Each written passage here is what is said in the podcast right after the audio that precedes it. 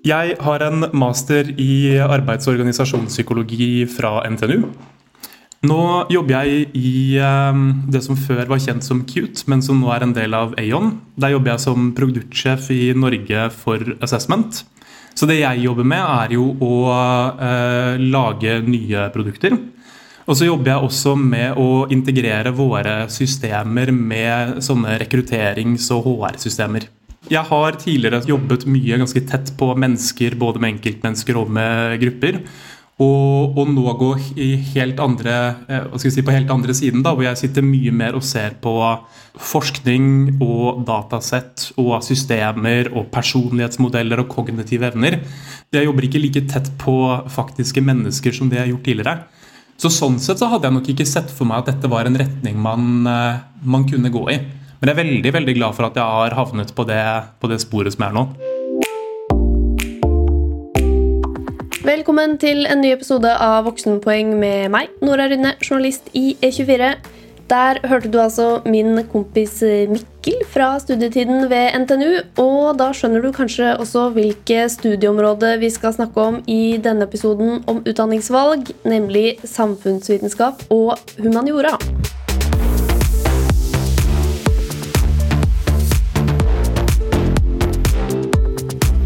Med oss i denne episoden så har vi deg, Marie Toreskås Asheim, rådgiver for fag og karriere i fagforeningen Samfunnsviterne. Velkommen. Hallo. Takk for det. Og så har vi med oss deg, leder for infoavdelingen hos Det samfunnsvitenskapelige fakultet ved Universitetet i Oslo, Marie Tallerås. Velkommen. Tusen takk. Hei, hei. Og siden dere eh, begge heter Marie, så eh, skal vi for enkelhets skyld ta utgangspunkt i hvordan jeg ser dere på min skjerm. Så uh, Marie ved UiO, du blir Marie 1. Ja. og uh, Marie i Samfunnsviterne, du blir Marie 2. Den er grei. Men uh, vi kan jo begynne med Marie 1. hva er du utdannet som? Ja, um, jeg har en mastergrad i samfunnsgeografi fra Universitetet i Oslo. Som er da også på Det samfunnsvitenskapelige fakultet, hvor jeg jobber i dag. Uh, og har 60 studiepoeng i idéhistorie, som jeg begynte på før jeg begynte på samfunnsgeografi. Bra, bra. Og hva med deg, Marie? To? jeg har, Når du eh, nevner Marien uh, idéhistorie, så kan jeg jo få med at jeg har mellomfag i idéhistorie fra de gode gamle tider da man hadde det. Uh, og så har jeg en mastergrad i religionshistorie. Så jeg har hele min uh, hovedutdanning fra HF-fakultetet, altså humaniora. Veldig bra. Da har vi en god fordeling. Idet dere sa det her, så følte jeg at hm, ja, nei, jeg hadde ikke helt oversikt over alle de linjene som fantes. For jeg hadde tenkt, jeg har listet opp i mitt manus sosialantropologi, samfunnsøkonomi, statsvitenskap, filosofi, historie, og det var det. Men det fins jo masse forskjellige retninger, så kan vi få en kjapp recap? Hva, hva finnes egentlig, og hva er mest vanlig? Ja, det er jo et godt spørsmål. Jeg kan jo på vegne av um, Det samfunnsvitenskapelige fakultet da, har, Det er veldig mange forskjellige ting. Det er jo sosialantropologi, samfunnsøkonomi og statsvitenskap som du nevner. I tillegg så har vi jo eh, profesjonsprogram i psykologi. Bachelorprogram i psykologi. Eh, vi har samfunnsgeografi, som jeg da har studert. Vi har også offentlig administrasjon og ledelse. Det er utviklingsstudier. Eh, det er kultur og kommunikasjon. Det er veldig mye forskjellig, og for det meste noe for enhver smak for noen som er interessert i samfunnet vi lever i da. Ikke verst. Hva har de på HF, Marie? Har du noen oversikt over hvem dere Dere organiserer jo både samfunnsvitere og um, humaniora Og humanister. Vitere. Humanister, mm. ja ja, Samfunnsviteren organiserer jo både samfunnsvitere og humanister. Uh, og vi har jo for enkelhets skyld forkortet det ned til 19 ulike fagretninger som uh, som vi opererer med i våre medlemsundersøkelser og i vårt medlemsregister. Og da er det ganske mange samlekategorier innenfor de. Og vi organiserer jo da selvfølgelig de som Marie 1 her allerede var inne på. Eh, ikke profesjonsstudentene i eh, psykologi, men de andre psykologifagene. De eh, kan også være medlem hos oss. Og I tillegg til det så er det humanisten, og der, vi, der, er det veldig mye. Det er jo noe av det som kjennetegner humaniora. at Det består av veldig mange små fag. F.eks. språkfagene. Hvis du tenker på hvor mange språk det er, så blir jo det ganske mye. Så der har vi ganske mange sånne samlekategorier. Eh, PR, informasjon, media. Eh, språk, litteratur og områdestudier, som er en sånn stor kategori. Så har vi historie, som du, Nora, jo allerede eh, har nevnt innledningsvis. Eh, kunst, kultur og religion. Det er vel der jeg kanskje faller inn under med min eh, master i religionshistorie. Filosofi og idéstudier og arkeologi er de vi har eh, forkorta det ned til. Ja, Så det er mye å velge mellom altså for folk som er interessert i samfunn og historie og eh, disse fagene her. Hvordan finner man ut Hvis jeg da er student og har funnet ut at jeg eh, vil gjøre noe innenfor samfunn, hvordan finner jeg ut hva jeg skal gjøre?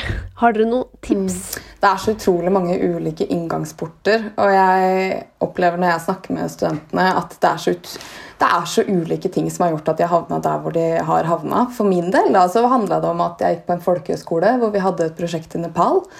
Eh, og mens vi var i Nepal, så innså jeg at Nepal hadde ikke rettigheter til sitt eget vann, altså drikkevannet sitt. Det ble regulert av India eh, og av Kina. Og for meg så virka det helt merkelig å sitte på ressurser som man ikke fullt og helt administrerte eller hadde kontroll over selv. Eh, og prøvde da å finne et studie som kunne på en måte svare på noen av de spørsmålene jeg hadde. da.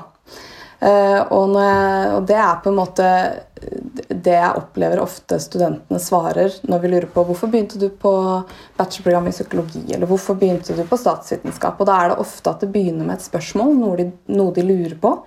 Og så begynner man på en måte å grave fram. Hva slags studie kan jeg velge som gjør at jeg kanskje får svar på noen av de spørsmålene jeg har? Og at, som jeg også har lyst til å jobbe med. Da. Det er jo ofte interesse det begynner i. Eh, og for videregående elever så er det jo ofte at de tar eh, Nå finnes jo til og med samfunnsgeografi som et eget valgfag, eh, og mange andre også fine emner. Jeg husker Da jeg gikk på videregående, så var det jo Jeg tror de hadde ett samfunnsfag, og det het sosiologi og samfunn eller et eller annet sånt noe, så det var jo ganske snevert. Men nå kan du jo velge veldig mye forskjellig, og allerede der så har jo nysgjerrigheten begynt. da.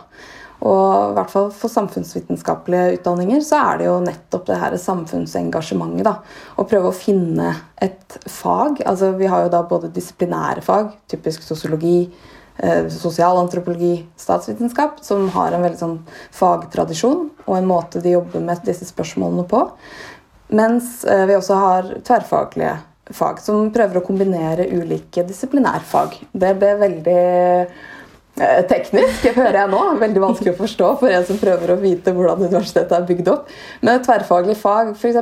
kultur og kommunikasjon, da. hvis du er interessert i hvordan er det reklame utvikles, og hvordan påvirker det folk, da vil jo det faget se på en rekke altså Det er både psykologi, det er sosiologi involvert, og det er også humaniora. ikke sant? Medievitenskap. Hvordan leser vi og tolker vi bilder? Sånne type ting. Så det er veldig ja, for å si det sånn, eh, studenter som kommer til samfunnsfag og humaniora, de har ofte en nysgjerrighet i bånn på hvordan ting rundt seg fungerer. Men er det noe sånn grunnleggende, bare hvis man er helt i startgropa og lurer på ok, er samfunnsvitenskap eller humaniora noe for meg, er det noe sånn helt grunnleggende uansett hvilken retning du velger, som du bør liksom tenke gjennom om du er interessert i eller flink til? I utgangspunktet et vanskelig spørsmål, fordi folk er så forskjellige og de passer til så ulike ting. Men hvis du har lyst til å studere altså Det som kanskje er felles for både samfunnsvitenskap og humaniora, er jo at du bør være glad i å lese en del. da. Det er mye pensum, det er mye tekster. Så lesing og skriving er jo i sentrum. Og hvis du vet at du er en person som ikke klarer å komme deg gjennom en bok uten å på en måte legge den fra deg 40 ganger, kanskje, så, så, vil nok studiene oppleves litt vanskeligere. Eh, bare fordi at det er på en måte det er en sentral del. Da, og også eh, altså, Hvis man faktisk blir eh, statsviter da, eller forsker på disse tingene, så er jo hovedvirket ditt det er jo nettopp å skrive artikler og tekster og forskningsartikler og den type ting. Sånn at det er nok der mye av studiene kommer til å fokusere inn mot. Da. Det er eh, lesing og skriving, rett og slett. Så det bør man, men om man bør være flink til det i utgangspunktet, eller om man blir flink til det underveis, det er jo eh, en annen bit av det, da, mm. tenker jeg. Eh, veldig enig i det. Man bør være glad i tekst. Og kanskje ekstra glad i tekst hvis man velger humaniora-varianten. Eh, og det å kunne forholde seg til store informasjonsmengder, det er jo både eh, underveis i studiene eh, og også veldig ofte i arbeidslivet, i den type jobber man får som samfunnsviter eller humanist. Mm. Og så er det én ting til som også kan være verdt å tenke på. Det er jo at både under studietiden og også i mange av de jobbene man kan få, så er jo det med selvstendig arbeid veldig sentralt. Mm. Eh, så det å eh, klare å drive seg selv fremover og trives med å eh, jobbe selvstendig med problemstillinger, det er jo også noe som kan være en fordel. Selv om det selvfølgelig er jo elementer av gruppearbeid også. Hva med, hva med, engelsk, da? For jeg mener å huske fra mitt studie at det var veldig mye engelsk. Er det sånn på alle samfunnsfag- og humaniora-linjer, eller varierer det? I stor grad mye engelsk, vil jeg si. I hvert fall på de utdanningene vi har på UiO da, innen samfunnsfag. Og det handler jo litt om også at universitetet plasserer seg jo også internasjonalt. ikke sant? Og eh, forskningsmiljøene i Norge er ganske små, så i veldig mange fagmiljø så er man helt avhengig av et internasjonalt samarbeid. Eh, som også gjør at mye av den viktige forskninga som skjer, eh, skrives jo ut på engelsk. ikke sant? Sånn at pensumtekstene da, de vil jo ofte være på engelsk. Men så om emnet eller faget da, er på norsk eller engelsk, det kan jo igjen variere. da. Kursene du tar ikke sant? når du kommer på universitetet. Så, men stor grad av engelsk. Så det bør jo på en måte ligge om man ikke er god i engelsk, så bør man i hvert fall ha en interesse for å bli litt bedre. Eh, eller at, å, å, ha en tålmodighet med at ok, det er en del engelsk pensum. Og f.eks. hvis man får en gjesteforeleser, da, at de plutselig er fra Slovenia, eller fra Russland eller fra England. Det kan jo også hende. Mm. Dette husker jeg jo faktisk fra jeg studerte selv, at uh, da jeg hadde jo alle engelskfagene det var mulig å komme over på videregående, og likevel, det første året på universitetet, så skjønte jeg ikke en dritt av det jeg leste. Jeg skjønte ingenting. Eh, og eksamen gikk veldig dårlig. Og så gikk det seg til. Og jeg skrev til og med masteroppgaven min på engelsk, så det, det er liksom ikke gi opp førsteåret. Der har jeg et råd. Det tror jeg er viktig. Det, det, skjer, en mod, ja, det skjer, en modningsprosess der, eh, og den er så viktig å komme seg gjennom. og det vi, i hvert fall Hos oss er det viktig å jobbe med frafall da, fra studiene. At studentene våre ikke skal slutte. Uh, og vi ser jo ofte at man slutter etter ett år. Og det er jo fordi at kurven fra å komme fra videregående til å begynne å studere er jo vanvittig svær. Bare generelt. Ikke bare er det nytt fag og ny måte å liksom, gå på skole på da, og sette seg inn i, men det er jo også at du flytter til en ny by. Uh, nye venner, kanskje du har mistet hele ditt nettverk hjemmefra. ikke sant, det er alle disse tingene. Så, og det å da møte i tillegg et fag hvor du bare Å ja, Shit, her er alt på engelsk. Jeg kan ikke engelsk. Fins det en norsk oversettelse av denne boka? Å ja. Nei, det gjorde det ikke. Så det er jo en overgang, for å si det mildt. Så er det vel ikke bare engelsken heller, men det er jo også hele den akademiske eh, terminologien og språket altså, som tar litt tid å sette seg inn i for mange også. Ja, definitivt. Um, mm. Og i noen eh, eh, fag innenfor samfunnsfag og humaniora, viktig å huske på, er det en del matte kan dere sant. fortelle meg ja. hvordan jeg finner ut For det er kanskje litt greit å vite for folk som vurderer en retning innenfor noe i dette området. Da. Hvordan sjekker jeg om det f.eks. er noe matte jeg må gjennom, og om eh, veldig mye er på engelsk? Hva, hva mm. anbefaler dere folk som, som, vurderer forskjellige linjer, å sjekke, og hvor finner de informasjonen? I hovedsak så vil jeg jo si at uh, det vi kaller en programside, altså nettsiden for studieprogrammet du er interessert i, det er Bibelen. Der ligger egentlig all informasjonen du trenger. Og så er det noe med å gidde å sette seg inn i den informasjonen. da, det skjønner jeg. Når man står mellom 15 ulike studieprogram, så er det mye. Men der vil du, i hvert fall på Universitetet i Oslo, så har vi en egen fane, og det vet jeg også gjelder andre læresteder i, Oslo, andre læresteder i Norge, eh, at man har en egen side som heter Oppbygning og gjennomføring. Hvor du kan se studieplanen din for alle tre årene. Og der kan du klikke deg inn på ulike emner som da er obligatoriske for deg.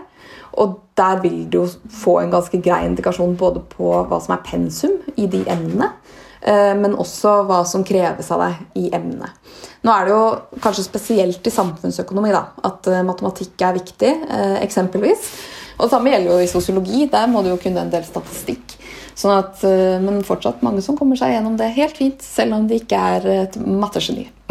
Men hvis du virkelig virkelig hater matte, da er det kanskje humaniora du burde se på isteden. For der er det ikke Statsvitenskap hadde også veldig mye statistikk. Mm. Samfunnsgeografi òg har vel uh... Ja da, vi er også, også Men humaniora, der er det mer liksom hardcore tekst.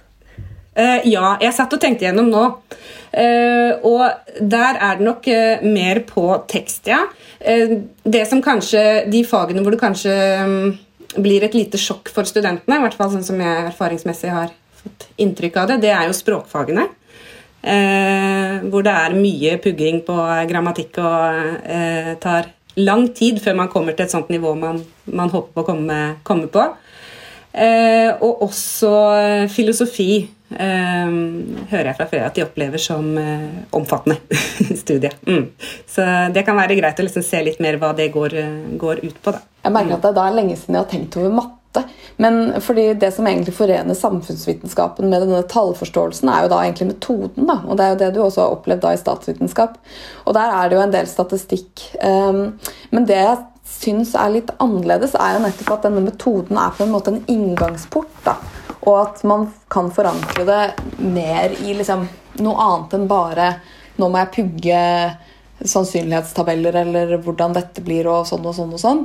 Eh, men at man på en måte har et, en klar problemstilling, og så må man jobbe metodisk for å finne et svar på den problemstillinga.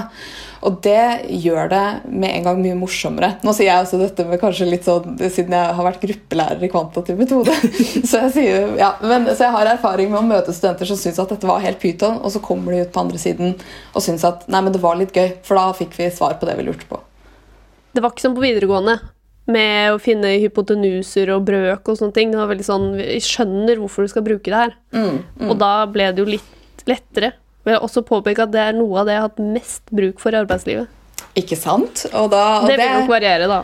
Det, det, vil nok variere, definitivt. Men det å ha en grunnleggende metodeforståelse og tallforståelse når man kommer ut i arbeidslivet og blir på en måte fronta med veldig mange ulike typer oppgaver, det kan komme veldig godt med. da.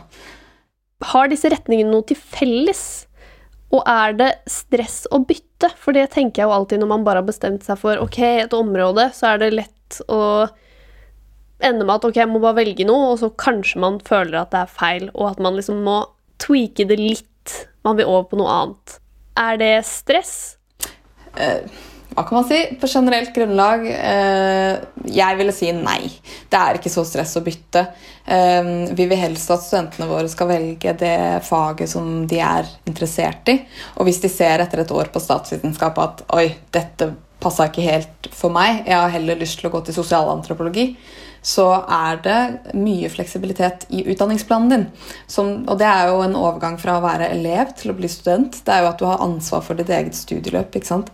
Og veien til vitnemål er eh, Det er mange veier dit, for å si det sånn. Ehm, sånn at hvis du har tatt et årsstudium eller tatt et år på statsvitenskap, så er det ofte mulighet for å bruke de studiepoengene inn i en grad i sosialantropologi, f.eks.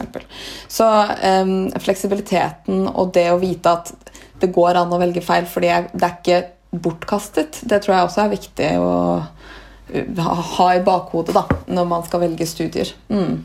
Og så er det mye mer vanlig enn mange kanskje er klar over. Eh, jeg leser jo jevnlig CV-er til eh, nyutdanna samfunnsvitere og humanister, for det er et sånn medlemstilbud vi har til våre studentmedlemmer. Uh, og da er det ikke uvanlig at jeg ser at noen har begynt på en bachelor for eksempel, og så uh, droppa ut av den etter uh, en viss periode, og så begynt på et nytt studie. Um, og da er det jo det arbeidsgiver ser på, er selvfølgelig den ferskeste erfaringen din og det at du har gjennomført og fullført noe, og at du da tidligere har gjort noen feilvalg i begynnelsen. Det er som sagt noe de ser flere ganger på CV-er og kanskje har gjort selv også. Så det er ikke så uvanlig mm. som man kanskje føler når man står i den situasjonen opplever at man har valgt feil. Mm. arbeidsgivere er også mennesker. Nemlig. Ikke glemme det, på godt og vondt. ja. Ja, da svarte du også litt på det med at de, ja, de har jo noe til felles i at man kan bruke en sosiologi eh, Altså noen sosiologifag inn i en eh, statsvitenskapsgrad, f.eks. Mm. Vi har jo kjepphestspalten vår eh, her, dere. Er dere klare for å dele deres eh, kjepphest om studievalg innenfor samfunnsfag og humaniora? Absolutt. Marien, du kan få lov til å begynne med din kjepphest. Ja, velg av interesse, og ikke av det du tror, eh, har hørt, vet er riktig. Det er egentlig det viktigste. Fordi det er veldig mange som kommer og spør om Burde jeg ta et emne i samfunnsøkonomi? Jeg har hørt at arbeidsgivere ser at det, det, det ser veldig bra ut på CV-en. Det vi ser, er at hvis du velger et emne som du ikke er interessert i, så får du ofte dårlig karakter. Sånn at det er viktig å velge noe du er interessert i, fordi det gjør også at du faktisk liker faget du tar. Og det er viktigere for en arbeidsgiver. At du faktisk liker emnet, har en interesse og gjør det bra. Det enn at eh, du velger noe som du tror er riktig, og så halter deg gjennom med null motivasjon. Marie 2, hva med din kjepphest? Ja, ikke bare deler vi navn, Marie, men vi deler også kjepphest. Ja. Eh, Min kjepphest er da at velg noe du er motivert for. Eh, og så har jo min navnesøster her nevnt mange gode grunner for det. Eh, og jeg kan jo utdype litt, men det å si det at hvis du da tar en mastergrad, så er det fem år. Og det er noe du skal gjøre hver dag i fem år. Det er lang tid. Uh, og hvis du da velger noe du er motivert for, så er det mye større sjanse for at du engasjerer deg mer i undervisningen. Eh, At du engasjerer deg utenom undervisningen, kanskje i, eh, med faglige verv og i eh, organisasjoner på studiestedet, som gjør at du bygger kompetanse i tillegg til studiene, som vi jo vet er viktig. Og så gjør du det jo også bedre faglig, som Marie igjen var inne på. Og så er det jo også sånn at Arbeidsmarkedets behov det endrer seg hele tiden. sånn at Derfor er det også viktig at du har det her engasjementet for fagfeltet ditt. Fordi Hvis du har engasjement for faget, så vil det gjøre det lettere for deg å se muligheter og ta sjanser både underveis i studiene og i arbeidslivet. Vi hadde jo en fin overgang her eh, fra kjepphestene deres til eh, hva man kan bli, og vi har jo allerede vært inne på at det er så sinnssykt mye. Men har dere en sånn litt bred oversikt over hva, hva man faktisk kan jobbe med med samfunnsfag og humaniora i eh, ryggsekken? Jeg vet ikke om Marie 2 skal kaste seg utpå uh, ut på først her, siden vi, jobber i en fagforening som organiserer en del av de som er i arbeidslivet. Um, for det er jo um, Samfunnsviter humanister de søker jo på og får veldig mange av de samme jobbene. Um, sånn at hvis vi ser på hva som er topp fem uh, for retningene sånn per i dag, så er det jo mye Det er en del undervisningsyrker. Uh, for begge gruppene, men særlig humanistene. Um, og Humanistene de underviser jo hele spekteret fra grunnskolen opp til universitet og høyskole. Mens eh, samfunnsvitere underviser fra videregående og universitet og høyskole sånn og så er det saksbehandling, som kommer sikkert ikke som noen overraskelse. Både i offentlig, offentlig og privat sektor. Der har jo vi flest fra offentlig foreløpig. Og så er det mange som jobber i organisasjoner. Med ulike typer sånn rådgiverstillinger i, i organisasjoner. Og I tillegg så er det mange humanister som jobber som informasjonsrådgivere. Og Der kan jo f.eks. sånne fagbakgrunner som eh, språk og litteratur, filosofi og selvfølgelig medievitenskap være relevante. Eh, Jeg kjenner i hvert fall til informasjonsrådgivere med alle de bakgrunnene. Eh, Og blant samfunnsvitere så finner man jo eh, en del med personal og, som jobber med personal- og karriererådgivning. Det fins selvfølgelig innenfor humaniora også. Jeg har f.eks. jobba med det. Men, men det er flere av de innenfor samfunnsfagene. da. Og Da kan det være sånne fag som sosialantropologi og sosiologi og administrasjon og ledelse, f.eks.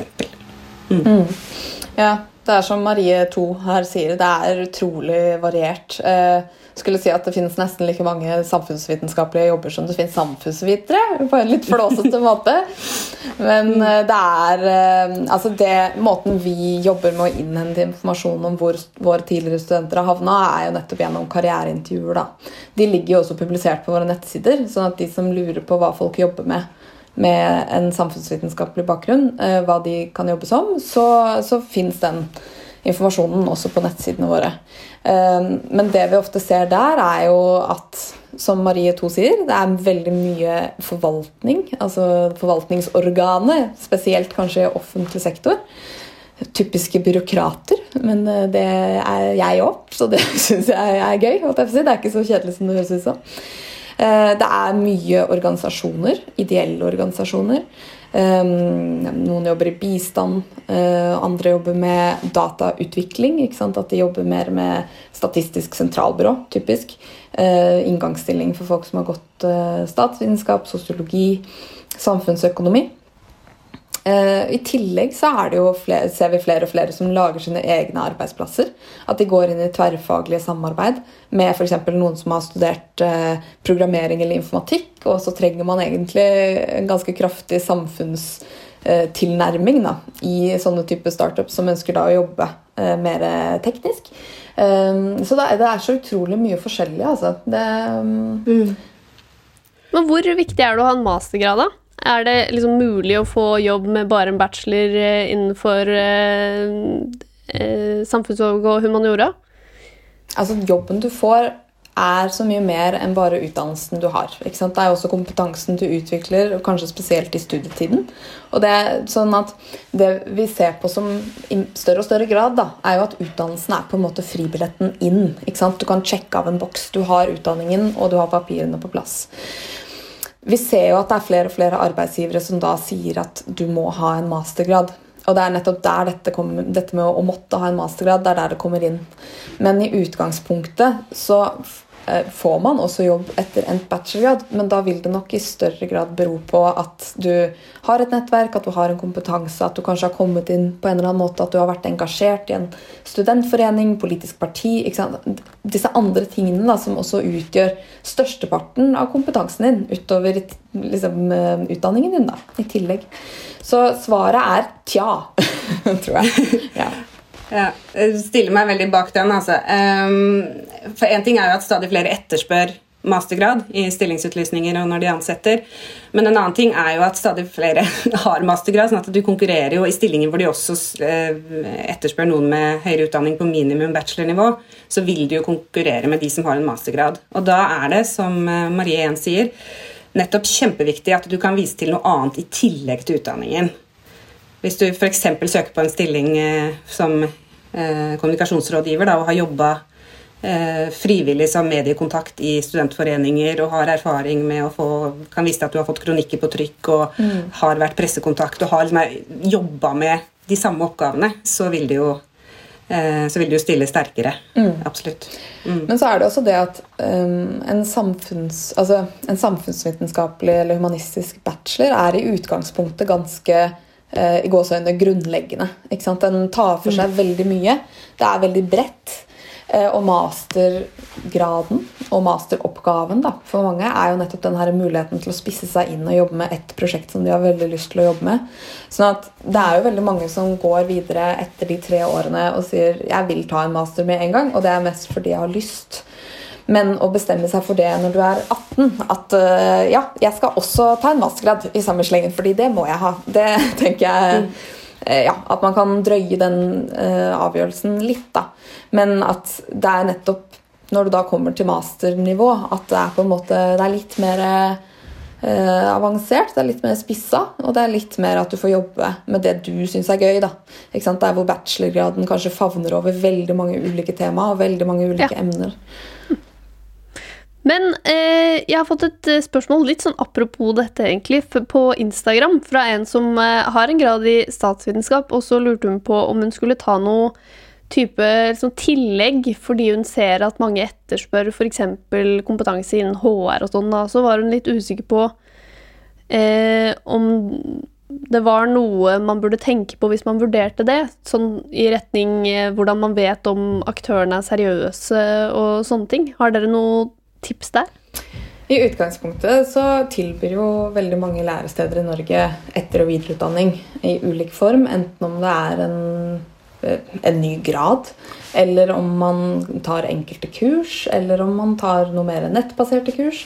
Så det er jo veldig mye tilbud der ute. På UiO så har vi en rekke forskjellige typer ting. Du har også erfaringsbasert master hvis du har vært lærer i mange år f.eks. og har lyst til å gå mer inn i utdanningsledelse.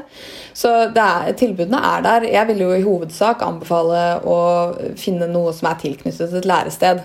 Ehm, det kommer jo opp reklamer på nettsider titt og stadig om eh, ut, ekstra kurs både her og der. Og det, det er ikke alltid verken at disse lærestedene er godkjente, at det vil gjelde eh, Eller at det vil komme noe godt ut av det, ut, utenom en litt slankere lommebok. Eh, og ofte så er det dyrere enn å gå ved f.eks. Universitetet i Oslo eller Universitetet i Bergen eller BI eller NHH eller altså disse andre lærestedene.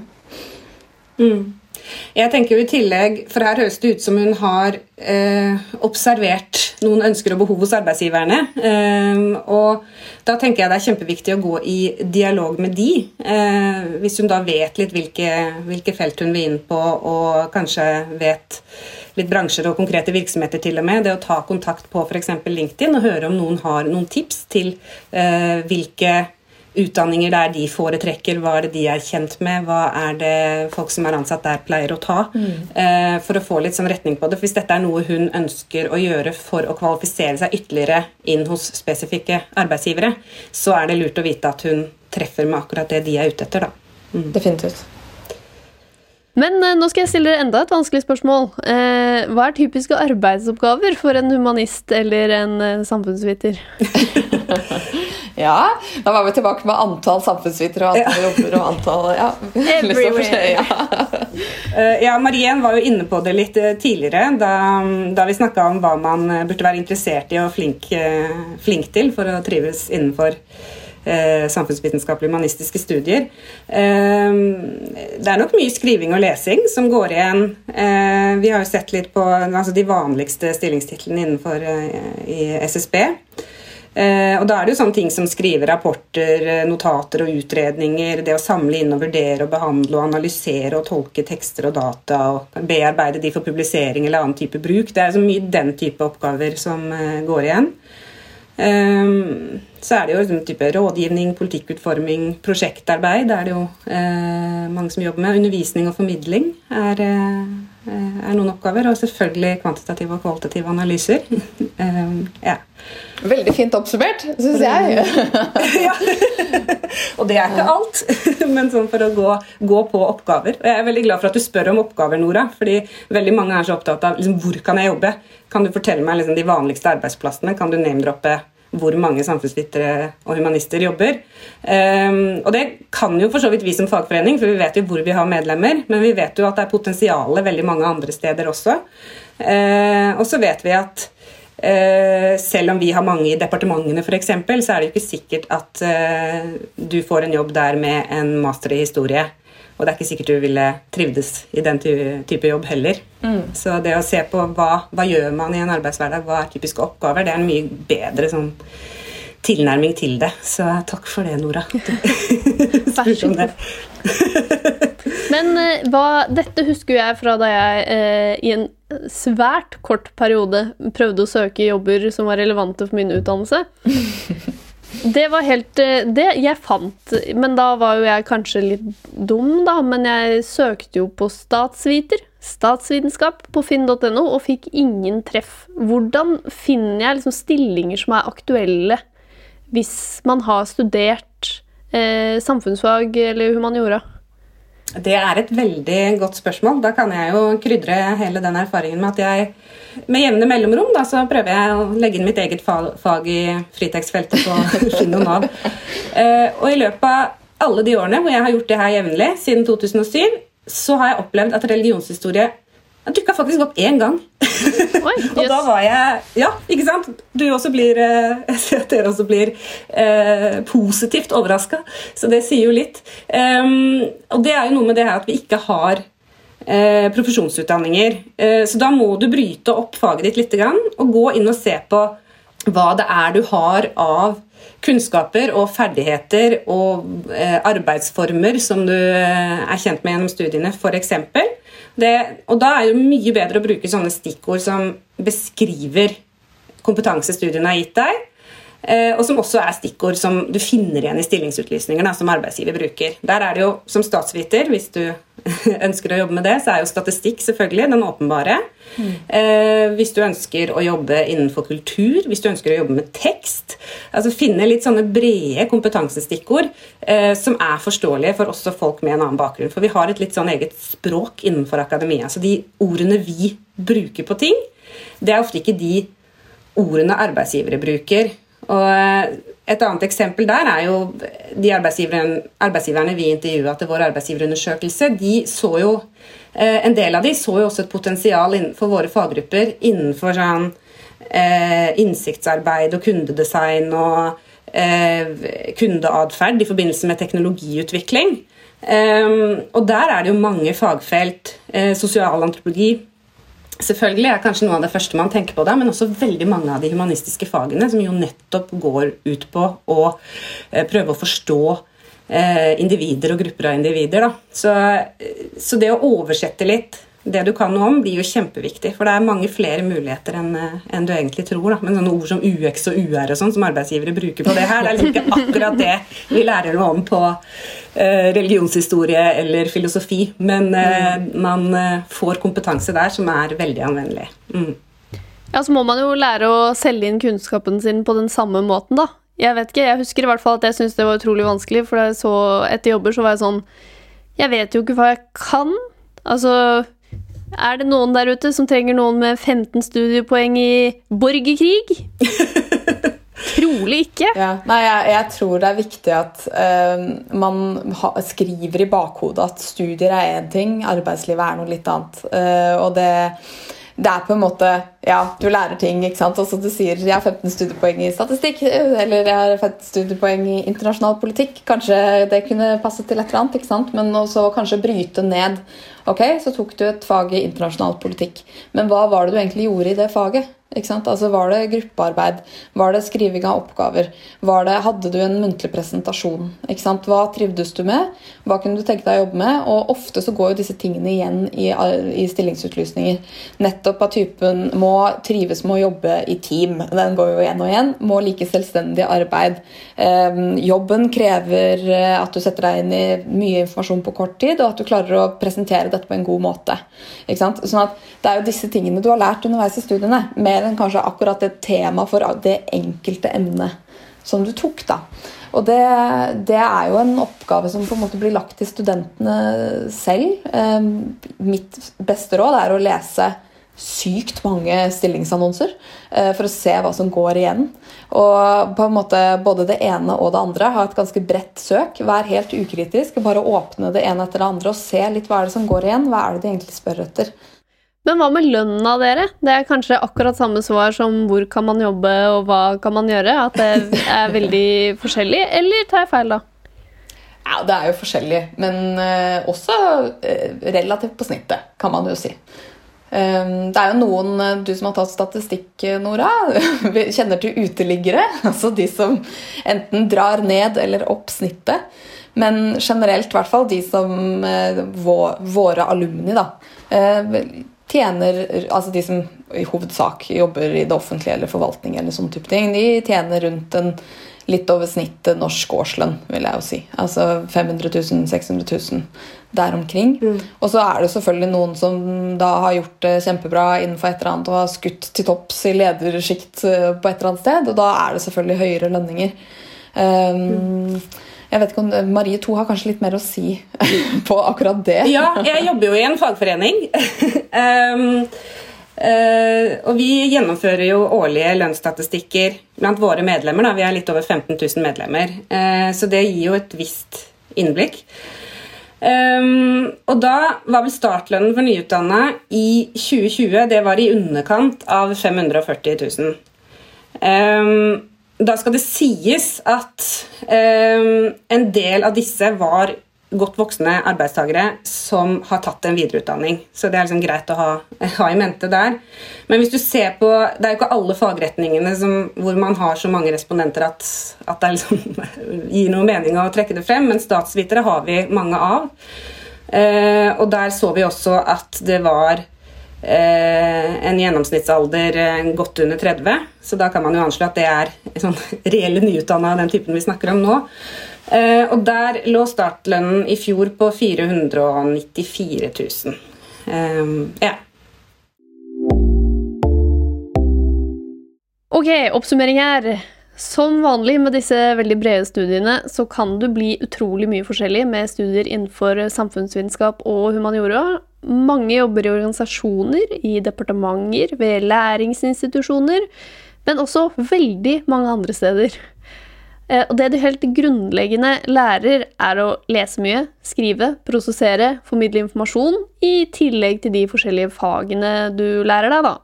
Så hvis du vurderer å studere noe innenfor dette fagområdet, så bør du like å lese og, og jobbe mye selvstendig men mye går seg også til etter hvert, så du må ikke være ekspert i engelsk eller verdens beste pensumleser, for det er jo en del av det du lærer underveis.